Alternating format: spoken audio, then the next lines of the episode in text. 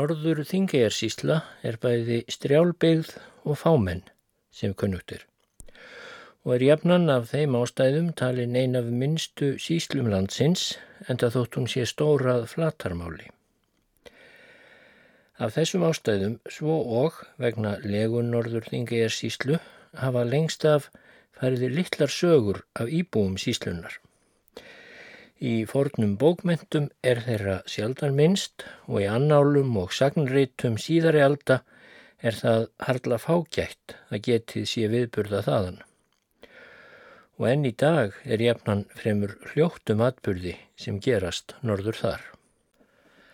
Á getu hlustendur, þetta voru ekki mín eigin orð, heldur var þetta upphafið á einum af sagnaþáttum Benjamins Sigvaldasonar en uh, hann var ættaður úr norður þingiðir síslu og bjóð þar mest alla æfina og hann reyndar mikið starf við að bæta úr þeim skorti sem honum fannst á sögum og sögnum frá íbúum norður þingiðir síslu og uh, þetta ættu hlustendur að vera farnir að vita þar sem ég hef undan farin misseri ár og ég vel ára tugi yðurlega glukkað í sagnaþætti Benjamins sem hafa það sér til ágættis umfram sagnaþætti sumra annara að þeir snúast fyrst og fremst um Íslandst alþýðu fólk en hvað höfðingjarnir hafa stað er fremurlátið líka millir hluta.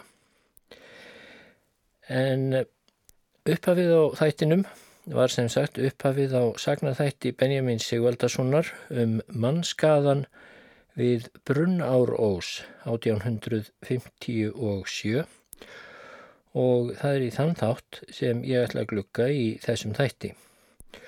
Og Benjamin held áfram eftir að hann var búin að harma hversu fáum sögum fór af íbúum Norður Þingiðarsíslu Það sem landsmönnum er helst kunnugt um sísluna er að þar er víða náttúrufegurð mikil.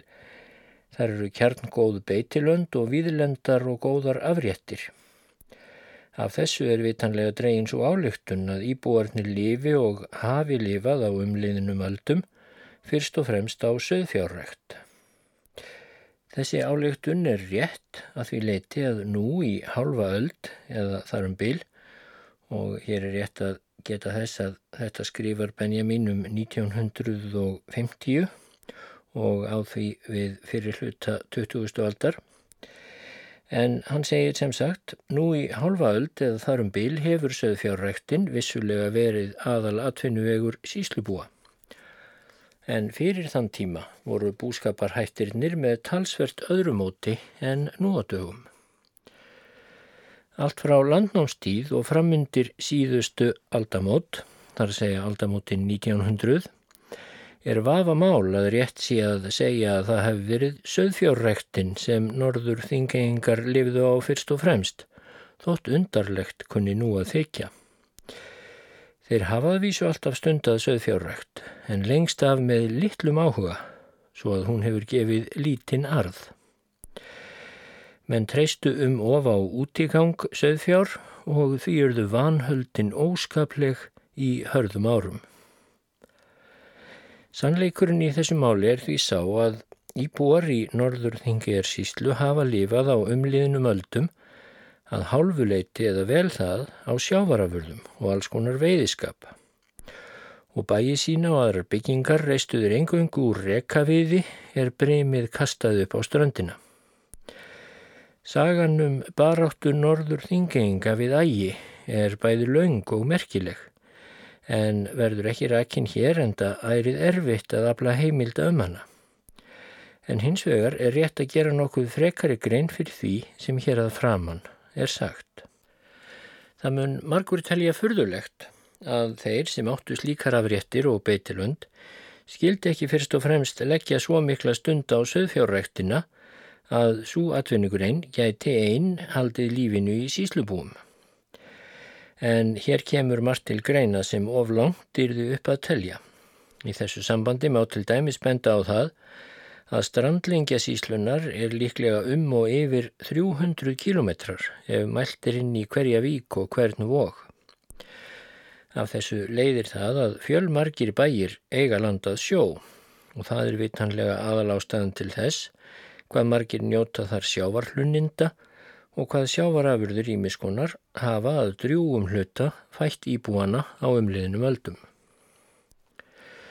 Samkvæmt Jærðamatsbókinni 1932 eru 125 bæir í síslunni Af kunnuleika telst mér svo til að þar af eigi 73 bæir landað sjó og þar með trjáreika og önnur hlunindi sem því fylgir.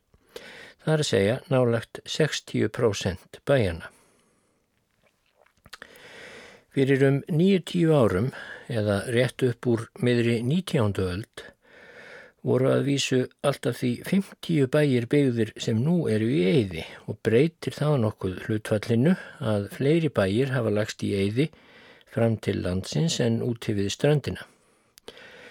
En heimilin við sjóin voru fyrrum langt um fjölmennari yfirleitt heldur en fram til sveitana eða þau heimili sem engin lönd eða ítök áttu við sjó. Það mun því ekki fjari að alltaf því tveir þriðju hlutar í búana hafi átt heima á sjávarjörðum og öðrum þeim jörðum sem áttu lönd eða ítök við sjó um og eftir miðja síðustu öld þá nítjándu. Það er ekki úr vegi að gera stöðlega grein fyrir því í þessu sambandi hver voru þau hlunnindi er heldu beinlýnis lífinu í fólkinu í margar aldir.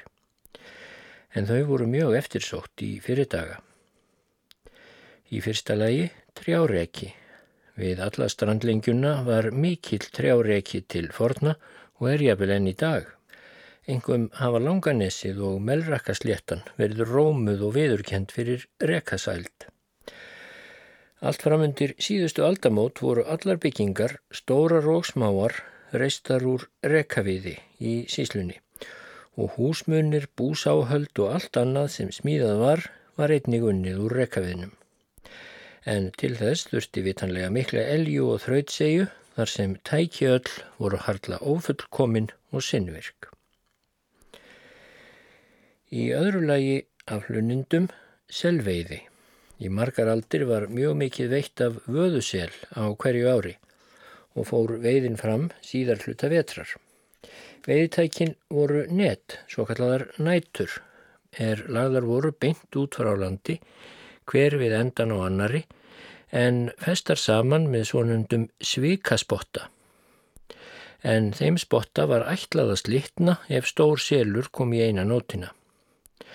Var að þessari selveiði afar þýðingar mikil björg því að þess voru mörg dæmi að fólk á einstökum bæjum þar sem fátækt var mikil var að þróttum komið af skorti þegar selurinn kom en rétti yfirleitt furðulega fljótt við eftir það.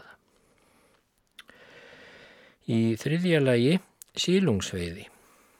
Sílungurinn var og er enn mikið veittur í sjávarlónum og árósum, svo og einnig í vötnum nálagt sjó.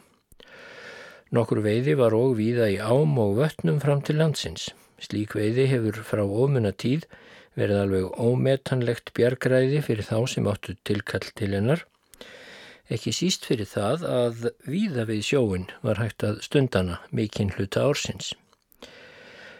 Þrátt fyrir þessa miklu veiði hefur mönnum enn ekki tekist að uppræta sílungin á þessum slóðum. Hins vegar tókst snemmáöldum að eidilegja sílungin víða að mestu í ám og vötnum inn til landsins, öllum að sjálfsögðu til ómetanlegs tjóns. Í fjórðalagi yfir hlunindi kvalreki. Frá ómunatíð og allt fram að síðustu aldamótum var mikið um kvalreka í síslunni, eins og kvalbeinin sem enn liggja um allar fjörur bera glegstan vott um. Á síðustu öld líðu sjaldan mörg ára á milli þess að kval ræki einhver staður í land og oft rak tvo eða jafnvel þrjá kvali sama árið. Kvalreikin var dýrmætur fengur fyrir síslubúa engum vegna þess að kvalin rak lang helst harðinda og ísárin þegar þörfin var mest. Í femtalagi æðarvarp. Æðarvarp hefur alltaf verið talið til sjáarhlununda vegna þess að alkunnugt er að æðarfuglin verpir aðalega í eigum og holmum við sjó. Á langanissi og melrakkasléttu hefur verið mikið æðarvarp í margar aldir og ávalt talið með hinnum bestu hlunindum.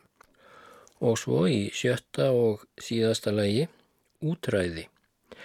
Frá því sögur hófust hafa verið hinn ágætustu fiskimið við langaniss og melrakkasléttu. Og í raun réttri eru enþá víðast góð fiskimið á þeim slóðum. Í Öksarfjörðarflóa og á Þistilfyrði voru einnig afar góð fiskimið til forna og allt framundir síðustu aldamót. Á Þistilfyrði eru enn all góð fiskimið en um Öksarfjörðarflóa gegnir öðru máli. Þar hefur nú í halva öld sára lítið ablast og af því leiðir að ekkert fiskithorp hefur risið upp við fjörðin og mun það vera því nær eini fjörðurinn eða flóin á öllu landinu sem farið hefur alveg á mis við slíka nýsköpun og þá kosti og galla sem fiskiþorpunum fylgja. Í fyrir daga var sjálfsbjargar viðlitni fólksins venjulega mjög mikil en það hafðu allir stærri bændur mikinn og ódýran vinnukraft og notuðan líka óspart.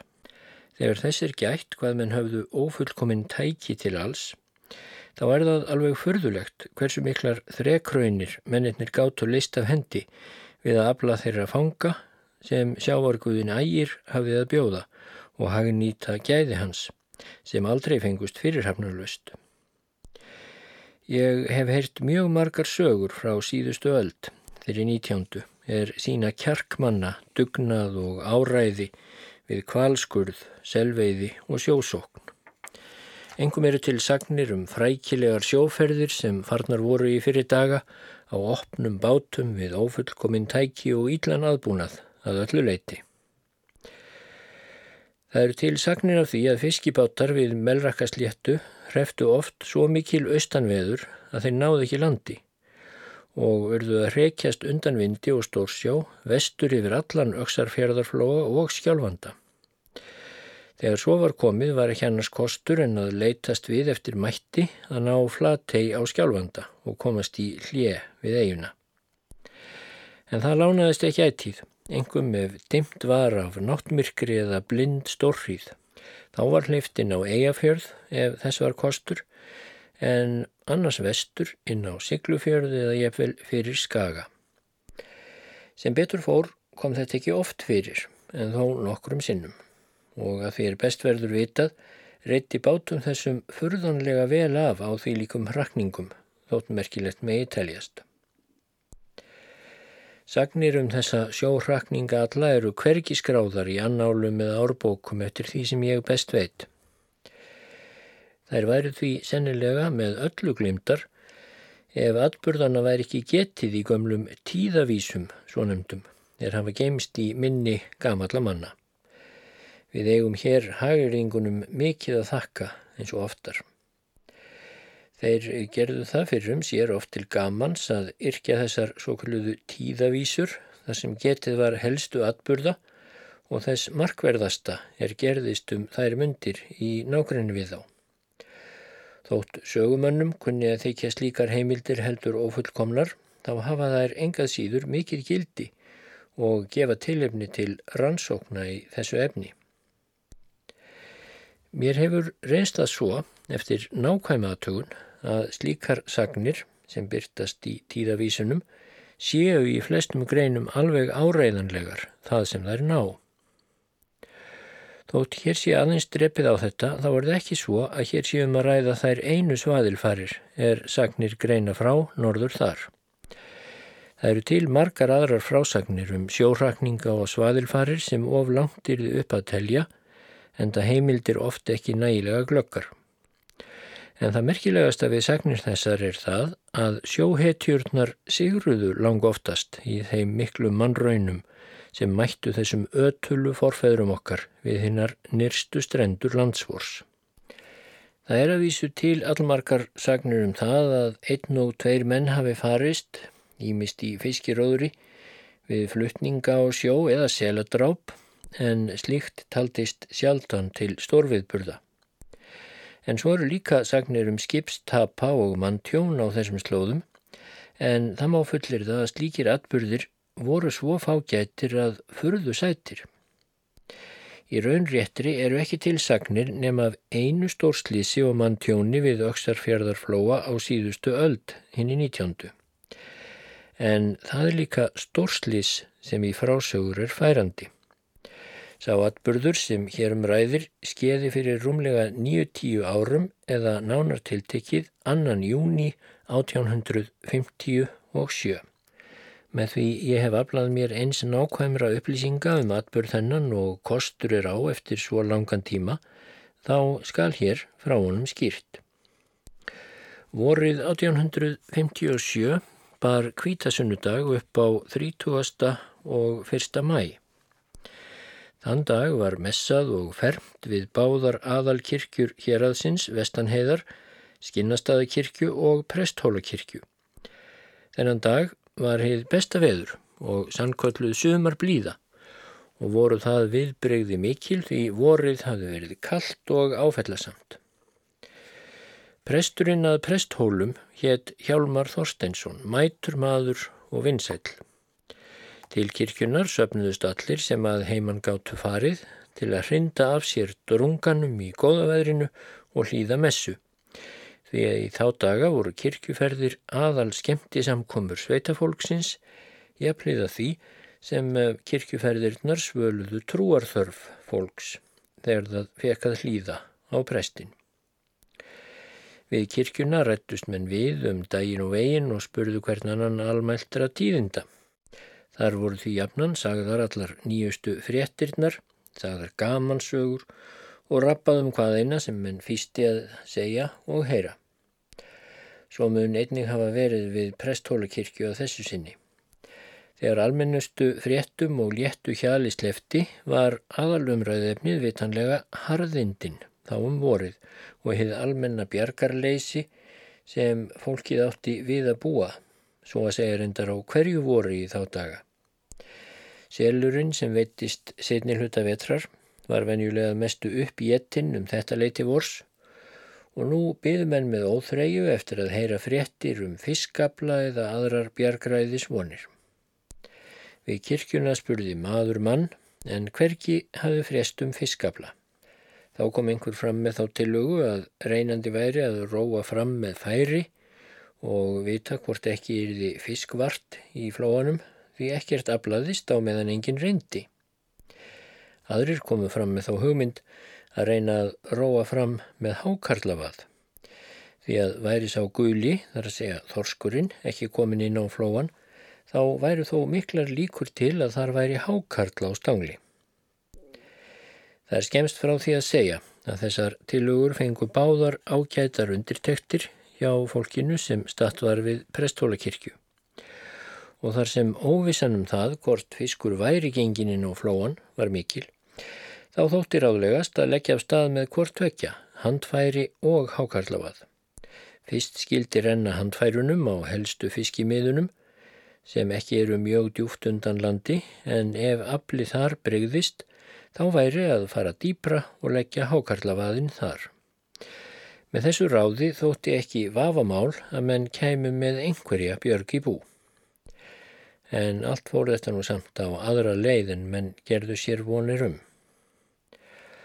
Á bæjunum sunnan við kirkjustæðin, sem í daglegu tali eru nefndir frambæjir, áttu bændur í saminningu bát einn mikinn er gustur hétt, sem á hverju sumri var notaður til fiskveiða með handfæri, svo og hákarlaveiða voru og haust eins og þá var venja. Gustur var geimtur í buðlungahöfn og þaðan réru frambæjingar venjulega og svo var einnig að þessu sinni. Eftir messu var rætt fram og aftur um hinn að fyrir hugulu ferð og kom eigandum bátsinn saman um að leggjónum í róður strax daginn eftir ef sama blíðviðri heldist. Voru menn valdir á bátinn, sjö að tölu, allt úrvalsmenn nema unglingur einn sem fermdur var að presthólum þennan dag. Hann þótti þó efnismadurinn mesti og liðtækur mjög þótt ungur væri. Formaður bátsins var Friðbjörn Eiríksson, húsmaður í Evrahólum, einstakur röskleikamaður og ablamaður góður. Hinnir mennir máttu heita hver öðrum betri og allir á besta aldri. Einn maður er sjálfsagt og tvímælulegst þótti að þeirri með á bátnum hétt Hallgrímur Hallgrímsson til heimilis að valþjófstöðum, talinn söðurla smiður góður. En hann færðist fast undan því að fara í þennan róður. Þaðist þurfa nöðsynlega að bregða sér söður í aukstarfjörð og svo ferð mætti ekki undir neinum kringumstæðum niður falla. En fyrir þrábeðinni þeirra sem hlut áttu að máli og fyrir þessu stóðu þá let Hallgrímur loks undan og lofaði að verða með ef formaður kæmi með sjóklæði hans og veidarfæri söður í buðlungahöfn daginn eftir. Og þar sem ákveðið var að leggja ekki í róðurinn fyrir en síðdegis daginn eftir á annan í kvítasunnu Þá tók Hallgrímur þá ákverðun að fara söður í Öksarfjörðin þá strax um kvöldið og gerði ráð fyrir að vera komin í tæka tíð út í Buðlungahöfn. Þetta gerði Hallgrímur. Hann fór söður í Öksarfjörð á kvítasunnu kvöld og var þar um nóttina þegar hann var á heimliði daginn eftir átt hann leið fram hjá Skinnastæðakirkju og var þá messufólki þar að streyma í kirkjuna því að sér að Hjörleifur sem þjónaði í Skinnastæð let sig ekki um það muna að messa báða kvítasunudagana í kirkjusinni. Í þá daga þótti mesta ósvinna að fara fram hjá kirkju um messutíma án þess að hlýða messu. Hallgrímur vildi ekki brjóta það bóðorð og gekk því til kirkjunar. En þegar hann hafði hlýtt messu sá hann að sól var gengið nokkuð til vesturs svo að líklega mundan verða heldur setni í fiskiróðurinn. Hann bráð því skjótt við. Þegar hann kom út úr kirkjunni, tók til fótana og hljóp eins og hann ætti lífið að leysa norður alla sveit og út í Buðlungahöfn en það eru um 20 kílometrar. Þótt Hallgrímur væri hinn mest í röskleika maður og enn á besta aldri var hann samt orðin bæði þreyttur og móður þegar hann kom út í höfnina. Og með því að heitt var í veðri bógaði á hann svitinn svo hann var ekki beint heppilega fyrir kallaður að fara í róður. En Hallgrímur letaði ekki breyta fyrir framgerður í áallun en það komu félagar hans í samamund í höfnina og voru nú allir tilbúinir að leggja á sjóin. Eftir að formaður hafði aðtugað veðurútlitt, veðarfæri og annað tilheyrandi og ekkert séð aðtugavert, þá var bátnum ítt á flott og róið fram á líklegustu fiskimiðin en þá var orðið mjög áliði dagsins. Lítið urðu þeir bátsverjar varir við fisk, en báturinn var seglbúinn svo þeir gáttu silt fram og aftur og rent færum víða, en hvarvetna var lítið um þorsk. Reynduðir bæði djúft og grund, en það bara allt lítin árangur. Þóttu þeim þá tími til komin að gera tilraun með hákarlavaðin, svo þeir dýfkuðu nokkuð á sér sem kallað var, beittu krókana og lögðu. Heimildir telja að þeir hafi þegar orði varir við hákarl, en ekki er vitað hver mikið þeir vittu.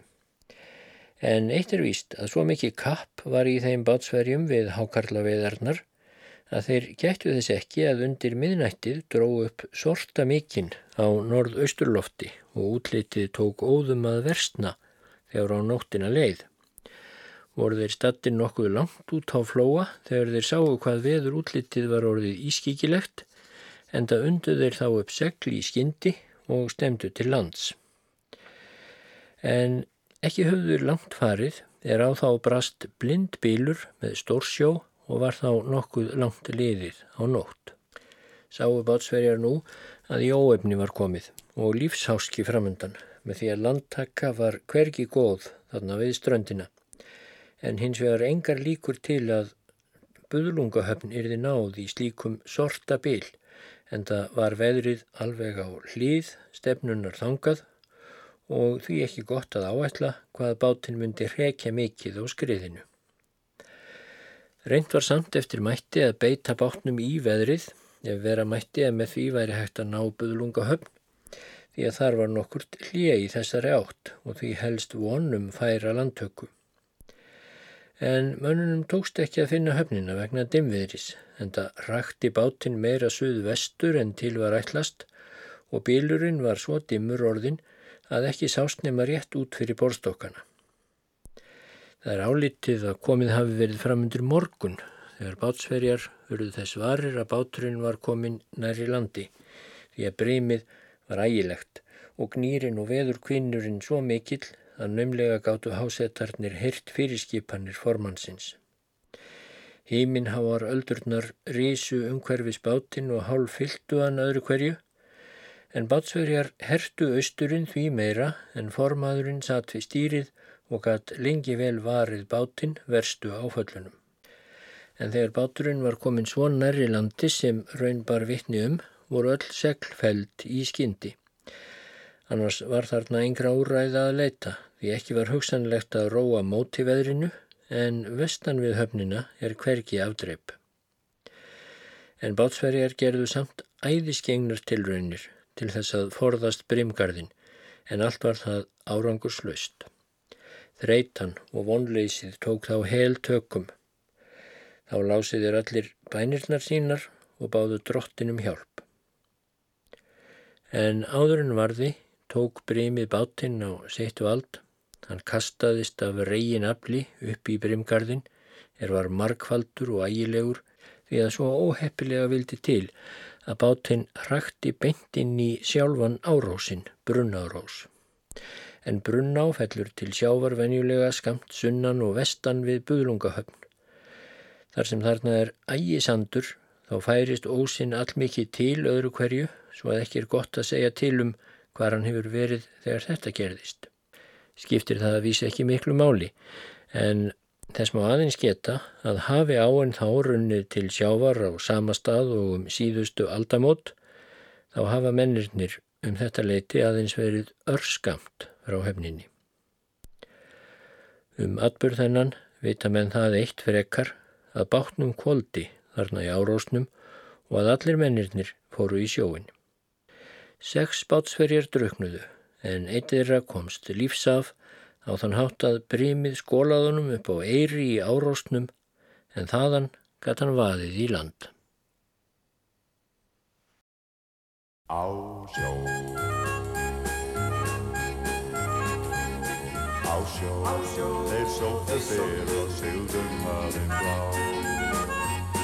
Þeir eru fræknir fiskimenn og fást við úr sjá Milli hafnum heiminn þeir halda sína leið.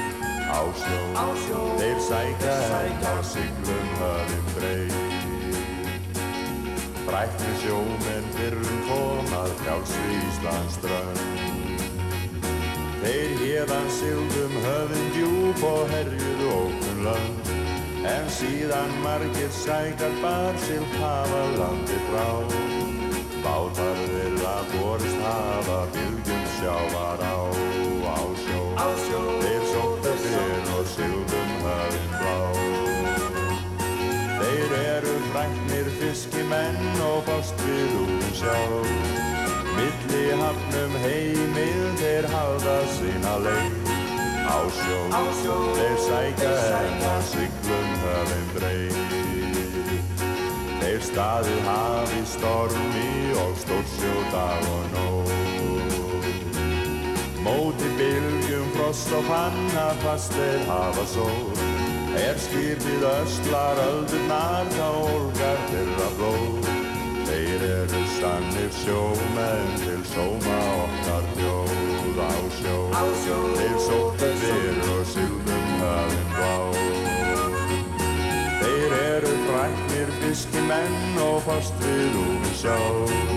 Milli hafnum heimil þeir halda sína leið. Á sjó, á sjó þeir sækja enn á syklum höfum breið. Þeir sífæll farum sjá að leið og sykla var. Eins og þeir sem til þekkja vita, þá gatt bátinn ekki borða landi á óheppilegri stað en einmitt þarna í eða fyrir miðjum brunnarósi. Fregnin um þetta sviplega og sorglega slís barst svo að segja samstundis um allar nálegar sveitir og var margt umrætt. Sem eðlilegt var fannst öllum mjög til um þetta voða slís þar sem hinnir sex röskustu og efnilegustu menn á besta aldri fórust allir á einni nóttu og hafa aldrei, hvorki fyrir nýja síðar, svo sögur fari af, svo margir menn farist í einu á þessum slóðum. Og þeir sem druknuðu, þeir voru þessir, formaðurinn, Friðbjörn Eiríksson sem áður er nefndur, hann var aðeins 26 ára aðaldri. Friðbjörn var nýlega kvæntur og áttu þau Svanborg kona hans eina dóttur. En síðar, þetta sama sumar, fættist Svanborgu önnur dóttur sem skýrð var Friðjóna. Hallgrímur Hallgrímsson var einnig nefndur áðan, söðulasmiður að valhjófstöðum, 27 ára að aldri og viðurkendur ágætis maður. Í þriðja lagi Daniel Ólafsson, vinnumadur að Efrihólum, hann var rétt þrítugur að aldri og var talinn röskur efnismadur.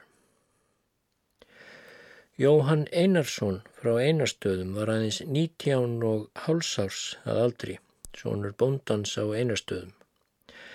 Hann er talinn hafa verið greindur vel og hraustleika maður, en það er það ekki ólíklegt í að Guðmundur bróður hans var búin afburða líkamshresti og vel viti borin, en Guðmund þekkti ég vel. Hann andaðist í leirhöfn fyrir nokkur árum, þá næstum hundrað ára að aldrei. Sá fymti var unglingspilturinn sem einnig var nefndur áðan Jóhannes Jónsson Hann þótti alveg einstakur efnispiltur og stóð til að erfa auð fjár á þeirra tíma mælikvarða. Hann hafi verið fermdur þennan dag eins og framkom áðan. Töldu margir að langmestur mann skaði hefði verið að Jóhannessi og var þó mikið sagt því að á bátnum mátti kallast verulegt mannval. Þess má geta að móður Jóhannessar, Ólöf, giftist þrísvar og var Jón, fadur Jóhannessar, miðju maður hennar. Verður lítilega minnst á Ólöfu hér á eftir. Sá sjötti og síðasti sem druknaði var Jón Magnússon, 34 ára að aldri og talinn í kirkjubókinni fyrirvinna hjá móður sinni á daðastöðum. Þá er aðeins eftir að segja frá þeim einamanni sem lífskomst af. En svo undarlega ber við að nafn hans er alveg glimt og ekki nokkrar áræðanlegar heimildir þar við að styðjast. Og meira segja eru munmælasagnirnar um þetta svo óábyggilegar að furðu sættir þegar þessir gætt að þrátt fyrir allt er ekki lengra um liðið síðan atburður þessi gerðist. Ég talaði við gamlan mann og spurðan hvort hann hefði ekki hirt greinilega sagt frá þessu í esku sinni þar sem hann var fættur áður en slísið varð og gaf hann góð og greinileg svör við öllu nema því sem mig fýsti mest að vita en það var spurningin hvað hétt maðurinn sem bjargaðist. Henni gæt hann ekki svarað. Þrátt fyrir þetta hef ég týnt saman allar þær munmælasagnir sem ég hef komist yfir og sett þær hér því að alltaf er gaman að þeim þótt ekki séu þær áræðanlegar. Og svo má líka stundum hafa af þeim nokkurt gagn og þær leiða mann þá á endanum á rétta braut. Fyrsta munmælasagan sem ég heyrði um þetta atriði, hver var maðurinn sem bjargaðist, var á þá lund að hann hafi verið Pétur Hákonarsson, bondi á þjófstöðum, sem var mjög þekktur maður í hérraðinu á sínum tíma. Hann var bróðir Þorvaldarir bjó lengi að Núpi og Klifhaga í Öksarferði og kom við sögu þegar Núpströgurinn gekk þar lausum hala en þetta getur ekki staðist. Pétur þessi bjóaðvísu á þjófstöðum um 1850 en við manntalið 1855 er hann farin þaðan og fyrir finnst hvergi í sveitinni eða í næstu sveitum og ekki finnst heldur að hann hafi flust burt eða andast.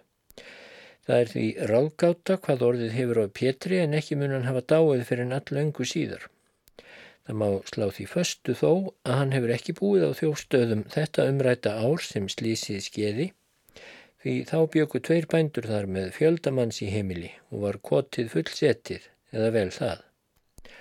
Nú er til um þetta önnur munmæla saga og virðist þar gengið út frá því sem vísu að maðurinn sem bjargaðist hafi verið frá þjófstöðum en er þó vitanlega bara tilgáta.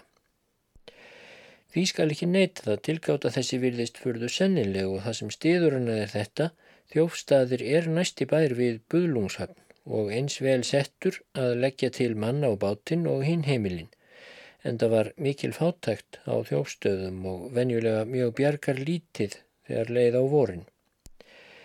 Það er líka alveg bersýnilegt að tilgangurinn með þessari eftirminnilegu sjóferð hefur verið sá að afla lífsbjargar handa sem flestum heimilum því að tvíbíli var þá á þeim bæjum er sendu tvo menn og voru þeir sinn frá kóru búi.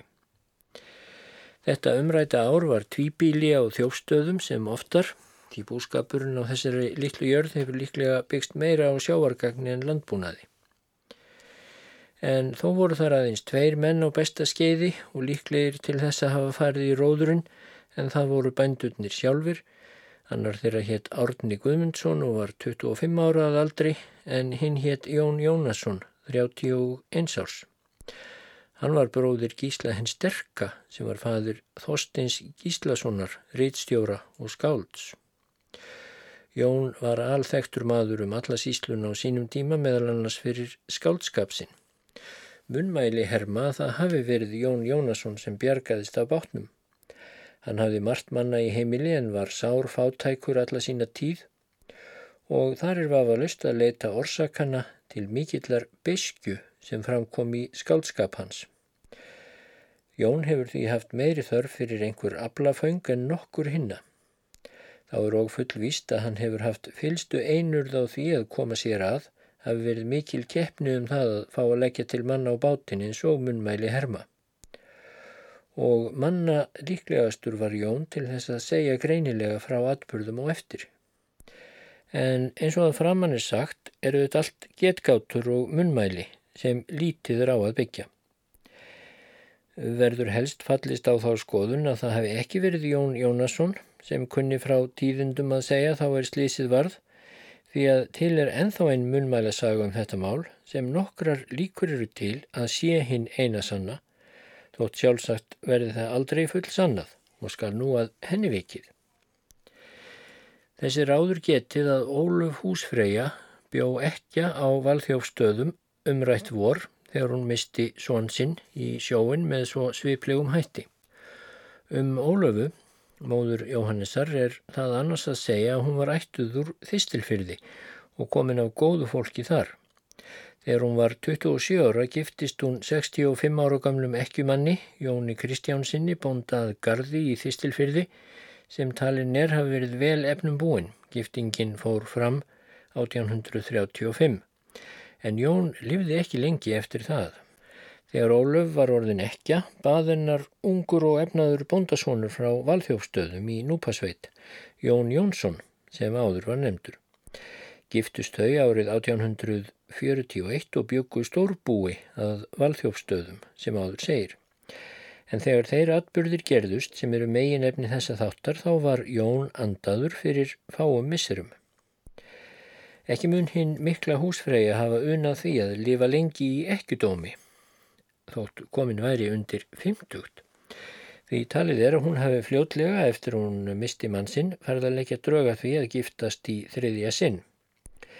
Talið er að hún hafi viljað ná í hinn ágæta mann Hallgrím Hallgrímsson söðlasmið sem áður er nefndur en hann hafi ekki viljað undirgangast neitt eða gera neina samninga við Ólöfu í þá átt. En um þessar myndir var ungur og glæsilegur vinnumadur hjá sér að hjörleifi á skinnastað, hann hétt Sigurður og var Jónasson. Munmæli telja að hann hafi verið sonur Jónasar Grjótgarðs sem svo var nefndur en maður er raunar litlu nærum það því að síðustu öld voru ótrúlegt nokk uppi þrýr Jónasar sem allir voru kallaðir grjótgarður. En sennilega hefur hann verið sonur Jónasar Gíslasonar grjótgarðs sem andaðist í Saltvík á Tjörnesi 1877 í kirkjubókinni talin Steinhögvari. Nú, örugar heimildir eru fyrir því að þennan mann, Sigurd Jónasson, hafi Ólöf ráði til sín sem vinnumann vorið 1856 og Herma munmæli að tilgangurinn með því hafi verið sá að Sigurður hafi átt að verða þriðji maður hennar. Hann var þá 21 árs en Ólöf sennilega 48 ára. Allt virðist benda til þess að í byrjun hafi litið út sem þetta ætlaði að blessast. Því voruð eftir fer Sigurður ekki á burt sem hann hefði hlotið að gera ef hann hefði verið frákverfur ólöfu, heldur gerðist hann nú ráðsmaður hennar og er talið að hann hafi lofað að kvænast henni um haustið 1857. En þá vikur sögunni aftur að slísinu mikla, annan júni þetta sama ár. Þegar verið var að ákveða hverjir skildu vera á bátnum í sjóferð þessari er talið að þessi stjórnsama og skörulega húsfreyja Ólöf hafi eigi sætt sig við það að leggja ekki til annan mannabla á bátinn en fermingardrengin svonsinn og því hafi hún krafist þess að ráðsmaður hennar Sigurður færi líka og það hafi orðið að ráði. Samkvæmt þessu á það að hafi verið Sigurður Jónasson sem einn komst lífs af þegar félagar hans sex druknuðu. Eftir slísið er talið að Sigurður hafi ekki verið sami maður og áður. Honum hafði verið líst sem léttlindum gleðimanni fram að þessu en nú gerðist Sigurður þunglindur, fámál og fáskiptin og er það út af fyrir sig ekkert enkennilegt. En hvort þessi breyting á manninum hefur staðið í sambandi við slísið eða hann hefur haft áhyggjur út af vantanlegu hjónabandi við Ólöfu, það verður ekki vitað. Vera má að hvort tvekja hafi valdið þunglindi hans. Ekki munan þó hafa haft kjark til að segja Ólöfu að hann væri orðin henni afhuga því strax að loknum slætti fór hún að undirbúa brúðkaupið eins og ekkert hefði í skorist og hún hefði til dæmis ekki mist ungan svonsinn fyrir aðeins örfáum vikum. Og brúðkaupið skildi haldið með svo mikilli röst sem auð og mannvirðingum hennar þótti hæfa. Allt var undirbúið, svo sem best mátti verða og var ekkert til sparað. Kvöldið fyrir brúköpið var öllum undirbúningi lokið og aðeins einn nótt eftir þar til hinn mikla stund rinni upp. En þessa umrætu nótt kom nokkuð óvænt fyrir sem mun verða að teljast alveg einstakt fyrirbæri. Þennan morgun var húsfreyja snemma á fótum sem hennar var vandi og ætlaði að hafa tal af hinnum vantanlega brúðguma sínum en þá var hann horfinn og fannst hverki hvernig sem leitað var.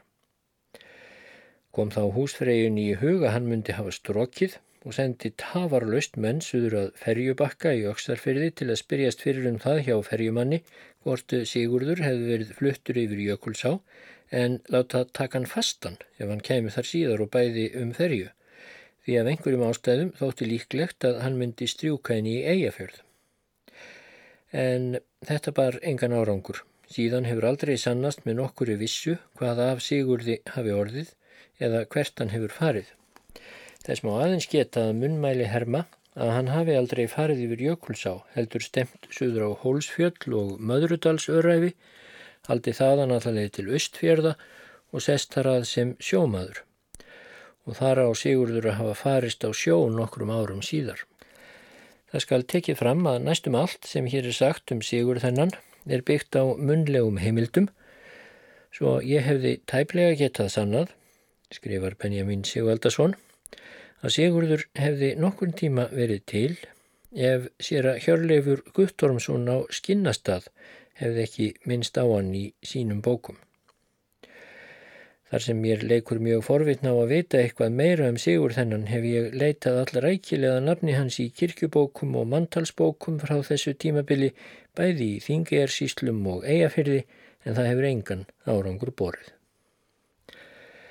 En þá ykkur sögunni aftur heimað valþjófstöðum, hvort sem kvarf Sigurðar hefur fengið mikið af ólöfu húsfreyju eður eigi, þá er það eitt víst að henni fjall ekki allur ketill í eld við þessa sviplegu atburði sem telja verður fráfall sonarins og strók brúðgumans.